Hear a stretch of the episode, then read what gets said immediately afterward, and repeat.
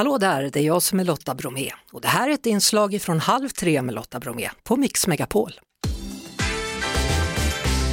Igår så meddelade Energimarknadsinspektionen att man behöver ytterligare tid på sig för att se över förslaget på elstöd från Svenska kraftnät.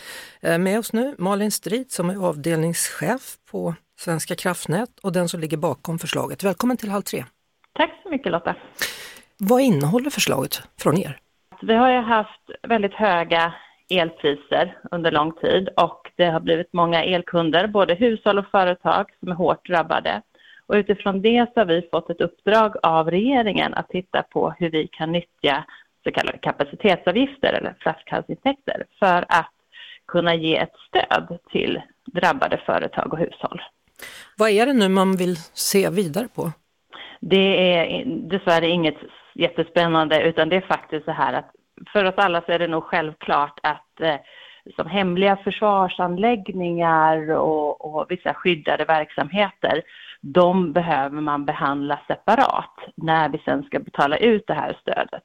Och det är självklart, men det stod faktiskt inte med i vår modell. Så vi gjorde bara en liten komplettering kring det. Tidsperioden då, som ni har beräknat elanvändandet av, varför har ni valt den perioden, oktober 21 till september 22?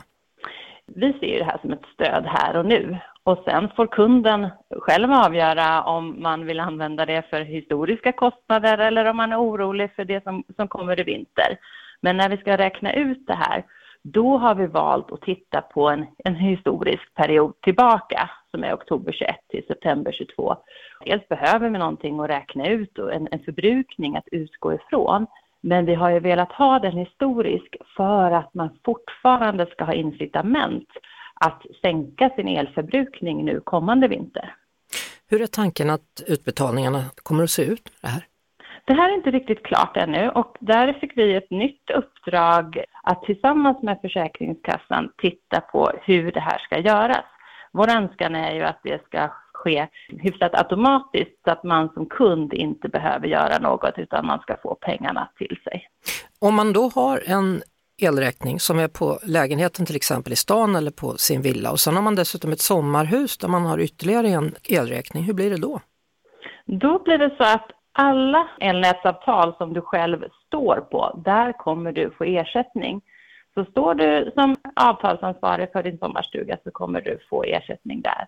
Däremot om du bor i en lägenhet där det är hyresvärden som står på avtalet, då är det upp till hyresvärden att avgöra hur han gör med den ersättningen, för den går ju då till honom eller henne.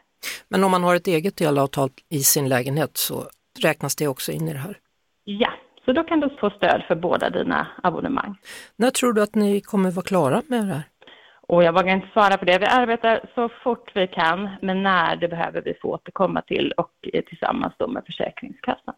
Och vem är det som ska hålla ordning på alla elräknare under den här perioden? Sker det automatiskt eller ska man själv anmäla att man vill ha pengar? Nej, vi arbetar utifrån att det här ska gå automatiskt och eh, där har vi ju nätföretagen som kan plocka ut vilken förbrukning man har haft under den här perioden och att den datan då skickas till den som kommer att betala ut det här. Så att det ska man själv inte behöva hålla reda på.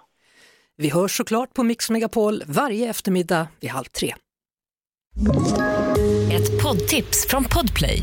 I fallen jag aldrig glömmer djupdyker Hasse Aro i arbetet bakom några av Sveriges mest uppseendeväckande brottsutredningar går vi in med hemlig telefonavlyssning och, och då upplever vi att vi får en total förändring av hans beteende. Vad är det som händer nu? Vem är det som läcker?